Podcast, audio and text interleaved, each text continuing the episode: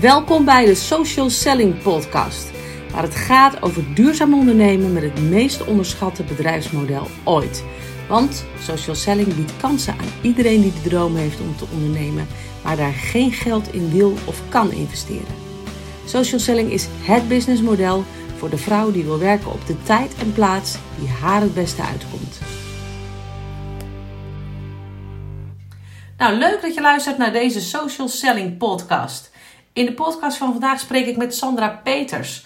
Uh, Sandra is een zeer gewaardeerde collega van mij en wij werken met dezelfde productlijn. Wij werken namelijk met uh, beddengoed en badtextiel. En Sandra is uh, inmiddels vijf jaar actief in social selling en ze heeft een succesvolle business opgebouwd. Maar dat heeft ze natuurlijk niet alleen gedaan. Want zij werkt samen met een heel leuk team van adviseurs die zij geholpen heeft bij de start van hun bedrijf. En Sandra begeleidt hen nog steeds met heel veel enthousiasme. Dat doet ze heel erg goed en effectief. Um, dus daar zijn we natuurlijk heel benieuwd naar hoe ze dat doet. Nou, hoe is Sandra gestart? Wat is het geheim van haar succesvolle salesorganisatie? Dat gaat ze met ons delen in deze podcast.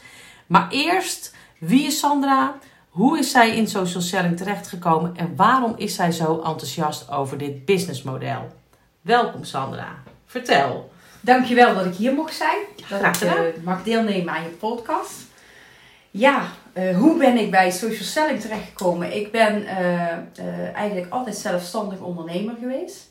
Vanaf mijn negentiende jaar. Ik heb elf jaar cafetaria gehad. En ook mijn personeel. Heel leuke business. En op een gegeven moment heb ik dat hele cafetaria verkocht. En ben ik uh, eigenlijk in het bedrijfsleven terechtgekomen. Dus uh, voor bazen gaan werken, oh ja, zo gezegd. Ja. in loondienst. En uh, nou, dat heb ik, ik denk, 4,5 jaar volgehouden. En toen was ik er eigenlijk helemaal klaar mee. Ik denk, ik moet weer gewoon lekker mijn eigen pad gaan wandelen. Jij bent echt een ondernemer. Ja, ja. En dat werd me in die 4,5 jaar heel duidelijk. Dat ik dus eigenlijk... Um, ja, zelfstandig moet werken. Ja. Laten we het zo zeggen. Met inderdaad een leuk team, maar uh, wel uh, zelfstandig. Ja. ja. Dus uh, zo gezegd, zo gedaan. En toen ben ik eigenlijk een opleiding gaan doen voor leefstijlcoaching. Oké, okay, dus iets heel anders dan wat je nu doet. Ja, ja. Ik zei, dacht bij mijn eigen, dan is de cirkel rond. Cafetaria, eerst uh, ongezond eten en weer afvallen met gezonde eten. eten. Ik denk, oh, ja. heb je, je denkt, ik ga, ik ga ze eerst eventjes uh, al die mensen gewoon uh, lekker ja. goede voeding geven, zeg maar. En ja. dan ga ik ze vervolgens helpen met, met afvallen. Met afvallen, ja. ja. Dat is een goed idee. Achteraf heb je eigenlijk je eigen plantenkring gecreëerd, Precies. zeg maar. Ja. dus dat was wel heel grappig. Maar ik, ik merkte dat, dat dat heel weinig draagvlak had. Terwijl toch iedereen af, tenminste, wie niet? De gemiddelde vrouw wil toch altijd wel graag een paar kilootjes kwijt.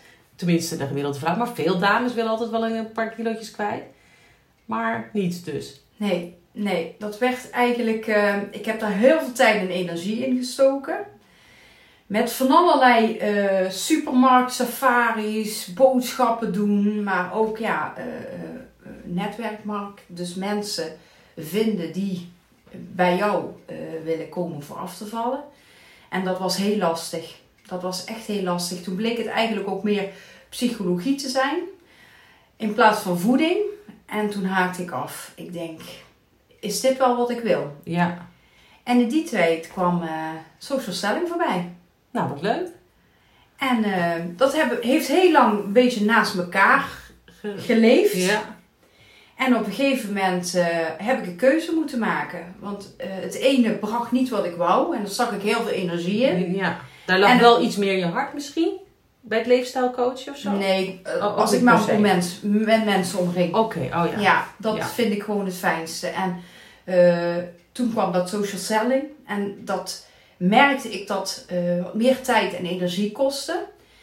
En toen heb ik besloten, ik parkeer dat andere leefstijlcoaching is heel leven. En ik kijk wat dat social, social selling gaat doen. Eigenlijk een business, eigenlijk een zakelijke keuze. Dus je hebt eigenlijk, zeg je van ja, ik heb nu twee takken van sport. Uh, bij de een haal ik eigenlijk niet het rendement, laten we het maar even vanuit de ondernemer bekijken. Ik haal niet het rendement wat ik er eigenlijk uit wil halen. Het kost me wel heel veel tijd. Wat als ik nu eens even kijk, als ik dezelfde tijd en energie in het andere onderdeel van mijn bedrijf uh, stop, het social selling gedeelte. En wat is het rendement dan? Precies. Die, en toen heb je gezegd, dan ga ik dat eerst doen. Ja, ja. En dat is binnen een half jaar ontploft. Oh, echt? Ja. Oké, dus dat ging echt heel hard. Dat ging heel hard, zo hard dat ik dus echt op een, op een tweesprong kwam, kwam. En de keuze heb gemaakt om met uh, social selling verder te gaan. Oké. Ja. Hey, en hoe kwam jij, uh, want jij werkt net als ik met uh, beddengoed en badtextiel. Ja, je komt er, ja, jij hebt mijn boek natuurlijk ook gelezen. Um, nou ja, natuurlijk, ik weet dat je mijn boek gelezen hebt. Dus ja. vandaar dat ik daar even op terug kan pakken. Um, en daarin schrijf ik natuurlijk ook dat heel veel mensen per ongeluk tegen een productlijn aanlopen. Ik denk dat dat voor 95% van alle ondernemers in social selling is volgens mij bij jou ook, hè? Uh, hoe, hoe kwam jij in aanraking, zeg maar, met de productlijn waar wij mee werken? Nou, ik, eh, ik zat dus op een party ja. van mijn moeder. Vrijwillig of... nou, met lichte dwang. Ja, onder druk van. Zo gaat het heel vaak. Met lichte dwang. En ik dacht, wat doe ik hier eigenlijk? Ja. ja. Maar ehm, eh, ja, je weet hoe dat gaat. Uh, mijn moeder kan een voordeeltje krijgen. Dus je maakt een nieuwe afspraak. En dat was oh, dan bij mij. En toen begon die man, want dat was een man, begon daar weer over van... Wat, uh, die zag de ondernemer in jou. Die zag natuurlijk dat, dat, dat, vuurtje branden in mij en het zoekende. Meteen enthousiast over de producten? in eerste instantie niet. Maar door het uit te proberen, dus uit te testen, bepaalde producten, werd ik wel enthousiast. Ik, uh, in het begin moet ik echt zeggen dat ik dacht, waar ben ik aan begonnen? Maar dat kwam eigenlijk doordat ik toen ook nog met één been in dat leefstijl Oh ja, met je hoofd was je er eigenlijk nog niet klaar voor, zeg maar. Ja. En toen ik op een gegeven moment de keuze heb gemaakt van ik parkeer dat andere en ik ga met social selling verder heb jij ook gehad uh, dat, dat, dat, ik spreek veel ondernemers die dan op een gegeven moment zeggen van ja, die er ook op zo'n punt zitten eigenlijk, hè, van um, ik ben met een bepaalde business gestart. Daar ligt eigenlijk mijn hart, of daar heb ik voor gekozen. Dat vind ik heel erg leuk, maar het brengt me eigenlijk niet wat ik ervan verwacht had. Um, maar dan willen ze eigenlijk ook niet met iets anders starten, omdat ze zoiets hebben van ja, ik, ik wil die focus houden op uh, dat want dat wil ik afmaken. Ik wil niet halverwege stoppen. Dat voelt een beetje als falen of als het niet uh, afgemaakt is. Is dat wat jij misschien, wat jou ook in het begin een beetje heeft tegengehouden? Uh, dat je minder enthousiast was in eerste instantie, omdat je net zegt van ik zit met één been nog in dat andere? Mm. Ik wou, uh, ik wou het inderdaad de kans verslagen, want je hebt ook een studie afgerond op dat gebied. En dus, geïnvesteerd natuurlijk. Ja, ja.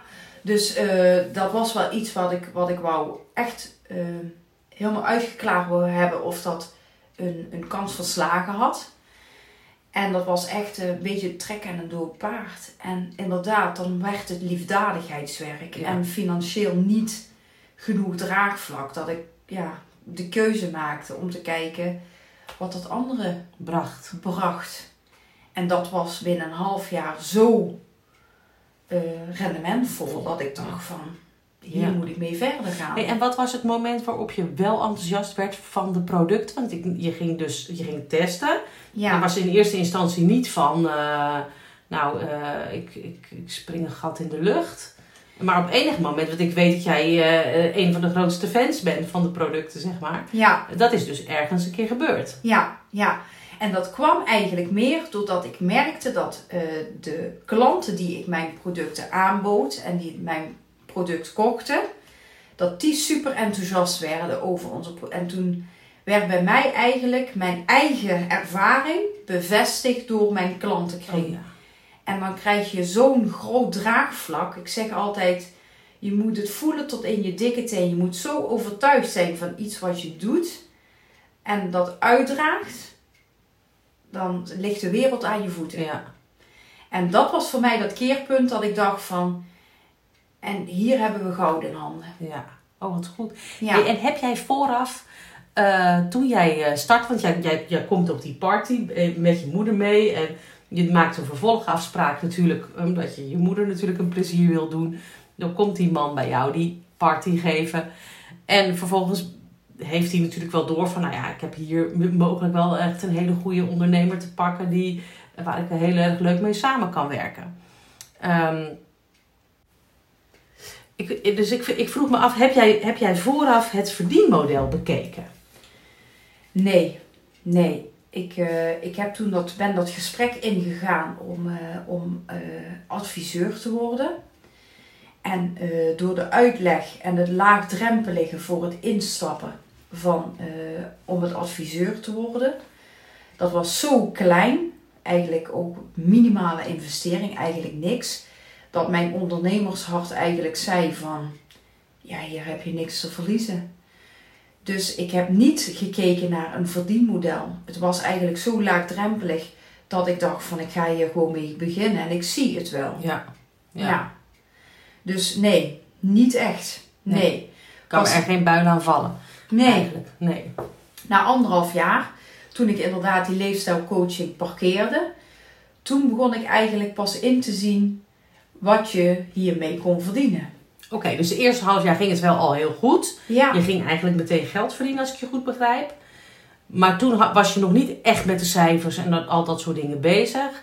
En na anderhalf jaar dacht je: Jeetje, dit is wel echt goede business.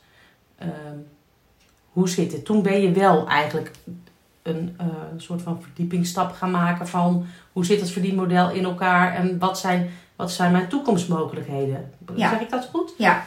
Het eerste anderhalf jaar heb ik eigenlijk, nou, het eerste half jaar heb ik eigenlijk heel, heel minimaal gedaan. Omdat ik toch met die leefstijlcoaching, daar lag op dat moment mijn passie. Ik denk, dat wil ik groot maken. En na een half jaar heb ik gezegd, ik ga voor dat social selling. Toen ben ik eigenlijk daar ingestapt. En toen heb ik me eigenlijk ook echt verdiept in dat verdienmodel. En eigenlijk het verdienmodel met een collega-team opbouwen zodat je ook draagvlak hebt, ook naar de toekomst toe. Ja, ja. Ja, daar gaan we het zo heel even over hebben, want dat vind ik heel boeiend hoe jij dat doet. Want ik, uh, nou, dat mag de luisteraar best weten, maar we zitten nu in jouw kantoor. En bij jou hangen er allerlei uh, hele gave grafiekjes en zo aan de muur. Dus dat uh, vind ik altijd heel erg boeiend om naar te kijken. Maar voordat we dat doen, um, ik schrijf dat ook in mijn boek. En ik denk dat we dat allemaal ook wel weten, hè, die parties. Um, en ik noem het nu bewust parties, maar het zijn eigenlijk salespresentaties. Ja, dit is natuurlijk uh, hoe wij eigenlijk jarenlang. Uh, eigenlijk het succesmodel van social selling was toch die verkooppresentaties bij de mensen thuis. Um, en dat was gewoon een, een heel mooi model. Maar daar kleefde natuurlijk een klein nadeel aan. Dat was dat als je succesvol daarin was. En je agenda stond vol met die salespresentaties. Dan verdiende je natuurlijk leuk geld. Maar als je daar niet zo heel erg uh, handig in uh, was, uh, dan was het echt wel heel erg lastig om je product aan de man te brengen. En daar, daar zat ook eigenlijk ook wel de grote scheiding tussen succesvol en niet succesvol. Hè. Wie die, wie die, die salespresentaties goed kon boeken, die was over het algemeen succesvol.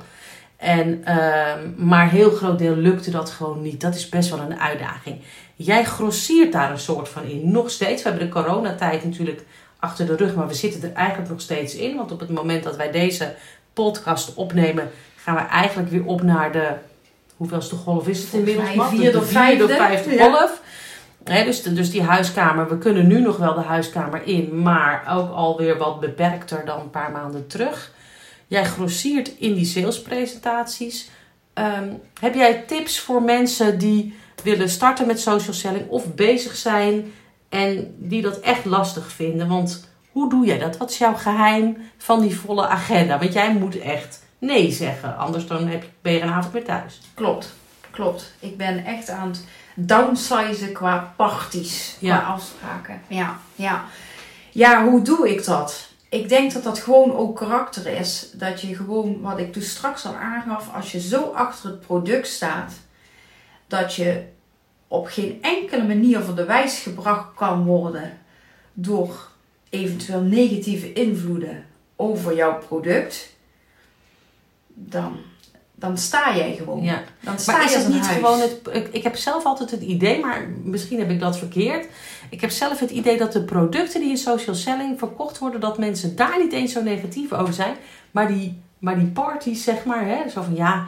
Uh, nou, ik heb geen zin om zo'n avond te geven, want ik kan niemand krijgen die komt. En mensen ja. die erheen, en net zelf ook onder lichte dwang ging ik daarheen. Was bij mij niet anders. Ik was de eerste die zei: nee, ik kan niet als ik ervoor gevraagd werd. Dus dat is best wel een dingetje. Um, Dus ik denk niet zozeer de producten, maar, maar, maar die avonden. Of heb ik dat mis? Nee, ik denk dat dat wel deels is. Als ik dan inderdaad eh, eh, op iemand aanspreek of iemand wil, eh, of ik vraag, wil je misschien een, een nieuwe afspraak boeken? Ja.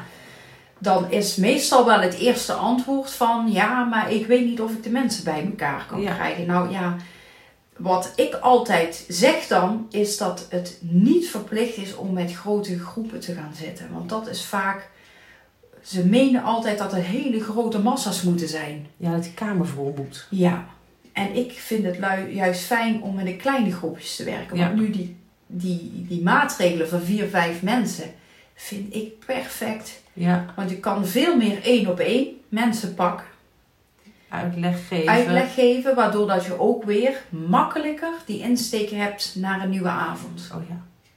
Dus eigenlijk hoe minder, even, want, want de gastvrouwen, hè, dus de dames die zo'n avond organiseren, denken vaak, ja, ik wil toch jou niet voor niks laten komen of voor een lage omzet. Dus die voelen wel een druk vaak, hè, van, Ja. ehm, En dat wordt vaak onderschat door adviseurs. Eh, adviseurs denken eigenlijk altijd alleen maar aan eh, ehm, dat de gastvrouw, eh, de gastvrouw kan het heel vervelend vinden voor jou ja, dat de kamer niet vol zit. ja, Zij voelen zich dan bezwaard ten opzichte van jou. En als jij dat heel duidelijk uitlegt naar iemand, dat dat helemaal niet bezwaarlijk is, dat jij ook één op één advies geeft en met twee of drie mensen een avond vol krijgt, dan ligt die drempel veel lager. En dan kunnen ze makkelijker instappen. En het zijn er altijd meer als twee of drie. En als het niet zo is, is het ook, ook goed, prima. Ja, Maar nooit de lat te hoog leggen. Niet voor de gastvrouwen. nee. Het verwachtingspatroon misschien van zowel de adviseur als de gastvrouw. Als je allebei die verwachting, dat, dat, dat hoor ik dan even door jouw eh, Ja, eh, tekst heen, zeg maar. Als je dus als, als, als adviseur niet de lat heel hoog legt en die gastvrouw niet de lat heel hoog heeft liggen. En dat duidelijk maakt van, joh, ik verwacht eigenlijk helemaal niets. Ik vind het gewoon heel leuk als ik bij jou die presentatie mag komen geven. En het maakt me niet uit of je dan alleen bent, twee, drie of misschien meer. Maak je niet druk over de omzet, dan is het een stuk makkelijker. ja, Dat is jouw geheim Ja. eigenlijk een beetje. Ja. En natuurlijk moet je een product hebben waar mensen... eh, en dat, dat zal natuurlijk altijd schelen... ehm, eh, of, of, of mensen ja, beddengoed en badtextiel... of dat je bijvoorbeeld eh, make-up of supplementen of schoonmaakartikelen... daar zal heus wel een verschil in zitten. Maar uiteindelijk denk ik dat mensen uiteindelijk overal wel interesse in hebben... als ze het een goed product vinden.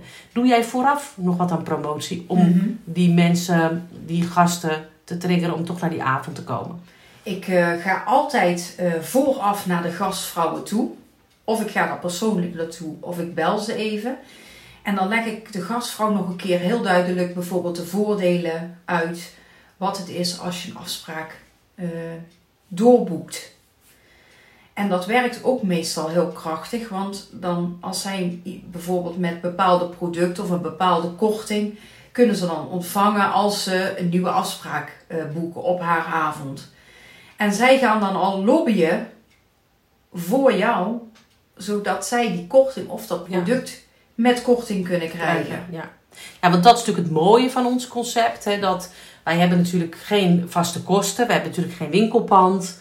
Eh, we hebben geen vertegenwoordigers met auto's rondrijden. Hè, dus ehm, dat maakt dat je de, de promotie die een gastvrouw voor, voor ons in dit geval doet...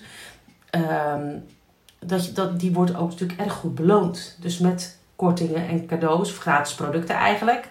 Niet eens korting, maar ze mogen vaak gratis producten uitkiezen. Dat is in alle concepten zo'n beetje het geval.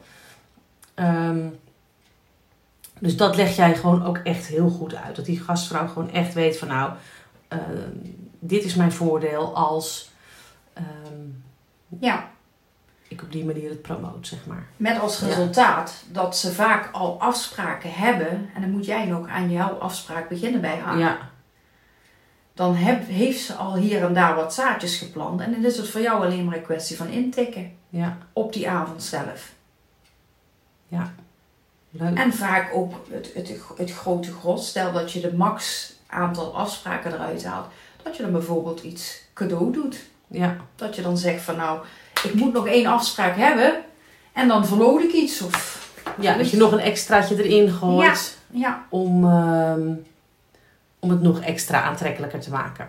ja, Ehm, even kijken, dan gaan we even naar die, ehm, eh, die salesorganisatie toe.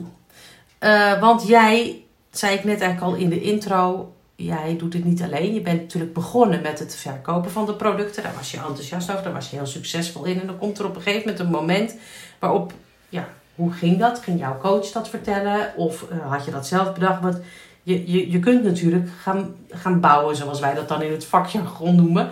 Hè, collega's gaan zoeken, want als jij een winkel hebt, dan ga je personeel aannemen. Nou, dat, dat, zo werkt dat in ons vak niet. Wij gaan collega's zoeken. Ik noem dat zelf altijd een soort van ja, franchise eh, light. Hè, iemand gaat eh, eh, eigenlijk een eigen filiaal beginnen.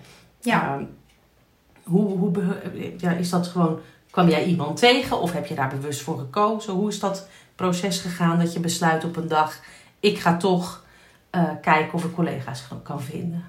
Nou, dat was eh, een bewuste keuze. Ik vind eh, mensen de kans geven wat ik ook heb gehad. Die kans wat ik heb gekregen door mijn coach. die wou ik ook aan anderen geven. Ik wil dus eigenlijk mensen helpen. En inderdaad, wat jij ook schrijft in je boek. Dat je eigenlijk heel kleinschalig iets heel groots kan maken. Ja. Naast een familiebestaan, een gezinsleven, een, een parttime baan, noem maar op. Kan je iets heel groots opbouwen. Ja, En eh, ik heb die keuze toen gemaakt van ik ga daar eh, bewust mensen voor zoeken. En dat was bij mij iedereen. Ik had mijn radar uitstaan en ik sprak iedereen aan. Ja, En ik, eh, ik zeg altijd, ik heb die remming niet eh, dat je je bezwaard voelt of zo. precies wat andere mensen van mij denken, dat, dat mis ik. Ja, dat is wel Dat- lekker natuurlijk, als Ja. je dat niet hebt. Ja, dat, daar- denk ik gewoon niet Want dat is na. misschien wel de grootste belemmering, hè? Eh, Dat je denkt van, oh, nou ja, die wil vast niet. Of die, eh, vooroordelen. ja, die vindt daar wat van. Of we hebben natuurlijk altijd een excuus waarom de ander iets niet wil, terwijl we het nog niet gevraagd hebben. Precies. Maar daar heb jij geen last van. Nee, Dat lijkt me heerlijk. ik vraag me echt, ik vraag echt iedereen. Dat heb ik mijn hele leven eigenlijk al gedaan. Dus ik, ik vind dat ook altijd heel lastig om eh, ja, dat in te schatten wat iemand. Ik, ik vraag gewoon en ze kunnen nee zeggen. Ja, Toch? maar nee is ook een antwoord, zeg ik altijd. Precies. Ja. ja. Ja. En een heel krachtig zin wat ik dan altijd gebruik als iemand bijvoorbeeld, als ik iemand benader en ze zeggen van ja, ik weet het niet. Dan zeg ik, we plannen gewoon dat informatieve gesprek. Ik zeg, maar dan weet je wel waar je nee tegen Ja. zegt nu. Ja. Want vaak, zoals ik het ook niet wist, weten ze niet hoe mooi en hoe flexibel eh social selling is. Nee, nee ik, ik denk ook dat dat heel erg onderschat wordt. Dat mensen het onbekend maakt onbemind. Men heeft daar een vooroordeel. En ik denk zelf dat dat vooral bij die parties zit. Hè, dat mensen Ja. dat wil ik eigenlijk niet doen. Vind ik niet leuk werk. Terwijl het hartstikke gezellig is. Die avond Ja. zijn super gezellig. Ja, Maar mensen hebben niet echt een, eh, een, een heel goed duidelijk beeld van wat, wat levert het. Dat is ook waarom ik het boek geschreven heb. Ik vind gewoon dat mensen moeten weten dat dit bestaat en wat, je hier, wat de mogelijkheden zijn. Want die zijn ongekend. Ehm, en ja, niet, niet iedereen zal eh, eh, het maximale eruit halen of willen halen. Maar dat is ook een keuze natuurlijk. Iedereen kiest zijn eigen doelen. Ehm, maar het is natuurlijk gewoon een heel mooi, ehm, heel mooi concept.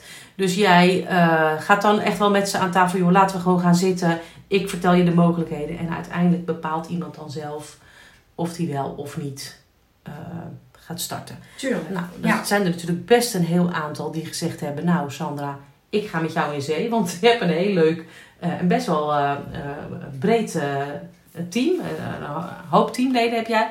Ik zie daar die, die onwijs mooie grafiekjes hangen. Je hebt ook, jij werkt echt met doelen.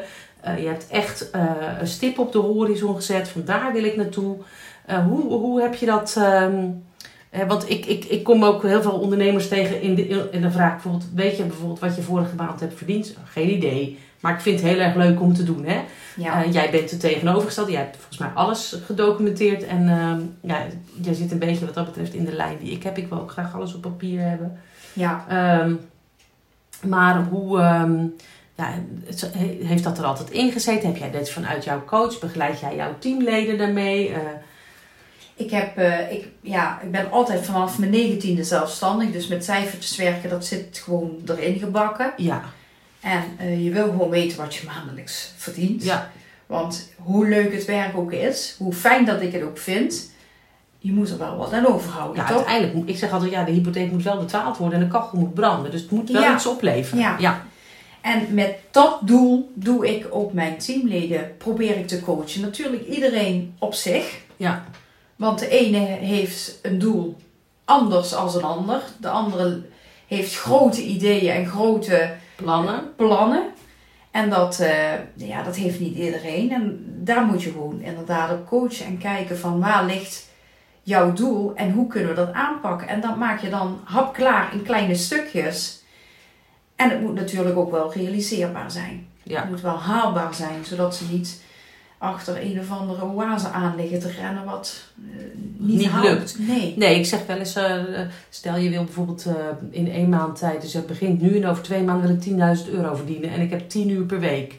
Dat is niet heel erg realistisch. Nee, precies. En dat schets jij dan ook. Je gaat echt met hun zitten van nou, dit wil jij in dat tijdspad. Ja, ja, En dan kijk je van, lukt dat, is dat haalbaar? hè? Ja. Of, eh, En daar coach je op. Daar ga Ja. je kijken, het stappenplan. En dan maak je dat stappenplan eh, inzichtbaar. En zij gaan daarmee aan de slag. Met dagtaken, weektaken. En zeggen van nou, als je dit en dit en dit doet, dan moet dat haalbaar zijn zij- wat jij wil. ja, Maar dan moet je het wel doen. ja, Dus tijd vrij plannen. ja. Ja dat is natuurlijk altijd, En, altijd wel, eh, wel lastig. Merk jij dat daar ehm, eh, in- jouw team dat daar weerstand op zit? Want ik merk ook wel dat mensen soms, die hebben zoiets van joh, dat komt wel goed. Hè? Dat, dat opschrijven en dat plannen en dat documenteren. Niet iedereen wil dat. Ook al eh, beamen ze wel dat het belangrijk is. Maar dat is toch voor sommigen een drempel. ja. ja, heel veel mensen denken daar ja, eigenlijk niet over na. Van waar wil ik over een jaar of over twee jaar of over vijf jaar staan. Ja, Die gaan, ja, ik zeg altijd go with flow. ja die gaan lopen en dan... eh, Maar ik zeg, ik, ik zeg altijd, je stapt ook niet in een auto zonder je navigatie in te stellen. Of zeg je je navigatie, doe maar ergens. nee, nee. Dat is wel heel spannend natuurlijk, Ja. maar, Nou, dat, dat kan ook zijn charmes hebben natuurlijk. Dat je zegt, ik kijk gewoon waar ik eindig. Ja. maar dat is bij mij niet, eh, ik wil toch wel weten waar ik over vijf jaar sta. Ja, ja, ik ook. Ja. Ja. En natuurlijk heb je inderdaad eh, teamleden, adviseurs die daar niet voor openstaan. En dat is ook oké. Ja. Het is niet een- must dat je het moet doen zoals ik denk dat. Nee. Want iedereen is natuurlijk eh, zelfstandig daarin. En eh, ze weten dat ze het bij mij kunnen krijgen, Ja. die begeleiding op die manier. Kiezen ze daarvoor, kiezen ze daarvoor. En anders begeleid ik ze gewoon op hun manier. Ja, oh ja, dus ze kunnen bij jou gewoon een keuze maken. Ik kan me ook voorstellen dat er mensen zijn die zeggen van, joh, weet je, en dat zie je natuurlijk in ons vak veel mensen die zeggen, ja, ik, vind, ik vind het gewoon een mooi product, ik vind het gewoon leuk. Als ik één of twee keer in de maand zo'n verkooppresentatie geef, of hè, als ik af en toe eens wat mensen wat mijn producten, eh, met mijn producten kennis laat maken, heb ik lol in, vind ik eigenlijk ook goed. Ja, weet je, dat is natuurlijk ook gewoon prima, want ook dat eh, er zijn ook mensen die zo beginnen en jaren later toch geen ene, omdat de omstandigheden anders zijn. Of eh, omdat ze inderdaad in ene zeggen van nou, ik vind het eigenlijk zo leuk, ik ga het uitbouwen. Eh, dat vind ik ook het mooie, dat ze keuzes kunnen maken. Maar jij biedt dus eigenlijk gewoon echt maatwerk. Dus wat past bij die collega? Heeft hij wel behoefte aan die structuur, die planning, dat doel? Eh, dan doe je het op die manier. En als iemand zegt, nou dat is niet mijn ding, laat mij lekker inderdaad gewoon go with the flow. Dan zorg je gewoon dat ze in ieder geval voldoende eh, uitgerust zijn om met die flow mee te gaan. Zeker, zeker. Ja. En vaak heeft het ook tijd nodig. Hè? Je, je plant een zaadje en ook bij natuurlijk je, je collega-adviseurs. je plant een zaadje en dat, dat heeft ook vaker tijd nodig voordat ze pas dat besef krijgen dat inderdaad met bouwen of dergelijke nieuwe collega's werven, dat je dan nog meer draagvlak hebt en nog meer eh, ja, een beter verdienmodel hebt. Ja, ja. En dat heeft vaak ook tijd nodig. Ja. Had ik zelf ook. In het begin was ik daar helemaal niet mee bezig. Nee. Dat heeft dat, dat ontstaat. Ja. ja, dat merk ik ook wel. Dat, dat, dat mensen starten ze daar echt. Nee, dat, dan willen ze inderdaad gewoon die producten verkopen, die producten onder de aandacht brengen. Het bouwen is nog heel ver weg. Ja, toch niet allemaal, maar het meeste wel. Het meeste wel. Ja. Het meeste wel. En het meeste ook naast hun bestaande baan. Ja, maar dat is ook ideaal dat je het zonder investering kan starten. Zeker. Hey, en, en, en al die, die, die dingetjes die hier hangen, ehm, ja, dat is voor de luisteraars een beetje lastig te zien, maar ik zie allemaal gekleurde vakjes en er is allemaal helemaal over nagedacht. Uh, maar dat zijn eigenlijk jouw doelen. En um, uh, dat, uh, jouw teamleden kunnen dat dus op dezelfde manier um, zeg maar van jou krijgen. Dat, dat, jij gewoon uitlegt van zo doe ik dat. Ja. En dan kunnen ze dat of oppakken of ze doen dat natuurlijk op hun eigen manier. Ja, ze krijgen de tools. Ik heb dus echt hier een, een, een stappenplan opgezet naar mijn doel. En dat eigenlijk zo specifiek uitgeplozen tot dagtaken. Oh ja. Wat moet ik elke dag doen? En als ik dat elke dag doe, dan heb ik over een paar jaar dat doel bereikt. Dat doel bereikt, ja. ja. ja. En daar kunnen ze gebruik van maken, zeker. Ik heb geen geheimen. Je kan van mij alles krijgen en willen wat je wil. je deelt alles. Ja, ja, ja. leuk. Ja. Ja, ik vind hem ook heel leuk. Even voor de luisteraars, want hier hangt gewoon ook bij Sandra op kantoor. Ik heb het nog nooit gedaan, dus ik denk wel dat ik het kan. Pippi Langhuis, die vind ik echt geweldig. Ja. Maar dat is natuurlijk eigenlijk wel zo. Wij denken al heel vaak, dat lukt niet, terwijl we het nog niet eens geprobeerd hebben. Dat is misschien ook heel menselijk. Ja, ja zeker. Ja. Maar ik heb altijd de insteek gehad, uh, ik denk dat ik het wel kan. Ik heb zoiets van, je weet niet, als je het nog nooit gedaan hebt, weet je niet of je het kan, ja of nee. Ja. Dus waarom zou je het niet doen? Nee. Gewoon proberen. Gewoon proberen. Doen. Dat vind ik ook. Ja. Ja. Hey, wat is voor jou een, een, een, een, een tip voor de luisteraar die nu zit te luisteren? Die denkt van nou ja, dat klinkt allemaal wel heel erg leuk, maar uh, ja, ik weet het allemaal niet. Uh, maar misschien zou het wel eens wat voor mij zijn. Um, wat zou jij adviseren? Iemand zit nu te luisteren en denkt nou Sandra, dat, dat, dat, dat klinkt heel mooi, dat wil ik ook. Wat adviseer je die? Uh, te kijken naar wat je precies wil waar je naar op zoek bent. En uh, inderdaad, wat, wat jij ook in je boek beschrijft, wat, wat voor productlijn, wat voor verdienmodel. Het uitzoeken wat je eigenlijk precies wil. Dus ik denk dat jouw boek daar een heel goed handvat voor is om dat stappenplan voor jezelf duidelijk te, te maken. maken. Met welke productlijn wil ik gaan werken? En daar dan inderdaad iemand benaderen die je daarin verder kan helpen. Dat kan natuurlijk ook bij mij. Ja. Dat kan bij jou. Ja, dat kan bij ons allebei. Maar ik ga in ieder geval onder deze podcast wel jouw, um, ja. uh, in ieder geval jouw e-mailadres uh, plaatsen. Want uh, ik kan me voorstellen dat mensen zeggen van nou, dat spreekt mij heel erg aan. En dan kunnen ze in ieder geval jou persoonlijk benaderen. Persoonlijk benaderen. Zeker. En ik zal jou de URL van je website er ook aan toevoegen. En, um, nou, en mocht iemand dat boek willen lezen en denken van nou, dat stappenplan, daar ben ik heel erg benieuwd naar. Dat is het boek Duurzaam ondernemen met social selling. En dat kun je uh, ook op de website uh, vinden. Ik ga jouw website in ieder geval even noemen: www.sandrapeters.nl met dubbel E. Um, en duurzaam ondernemen met social selling kun je bestellen op mijn website www.patriciavanandel.nl. Um, ja, is er nog iets wat je kwijt wil, wat je kan delen? Maar volgens mij hebben wij net vooraf al een beetje besproken. Wij gaan over een jaar, of over een half jaar tot een jaar, gaan we nog een podcast maken. Ja, maar dan in de zon, bij het zwembad. Dan gaan we bij het zwembad in de zon, gaan we, gaan we dat even bij herhaling doen. En dan gaan we eigenlijk even kijken, want het is nu uh, nou, bijna december 2021. Dus zomer 2022 gaan we eens kijken van waar staan we nu. En uh, dan gaan we eerst deze podcast luisteren. En dan gaan we eens kijken of we nieuwe inzichten hebben. Die kunnen we dan delen. Zeker. Leuk. Ja, gaan we doen. Ik, uh, ik wil jou onwijs bedanken voor de tijd die je vrijgemaakt hebt. Heel graag gedaan. Dankjewel dat je dit wou doen. Dat, ja, ook heel uh, graag gedaan. En ik wens je heel erg veel succes. Een fantastische laatste maand van 2021. Waarin je hopelijk alle doelen voor dit jaar in ieder geval gaat halen. Maar ik denk dat dat wel goed zit. Ja, ja. En, um, en laten we hopen op een geweldig uh, 2022. En uh, Nou, de luisteraars, bedankt voor het luisteren. En wie weet, nou, spreken we je of komen we je ergens nog tegen. En nou, tot ziens. Leuk, dankjewel. Dankjewel. Doei.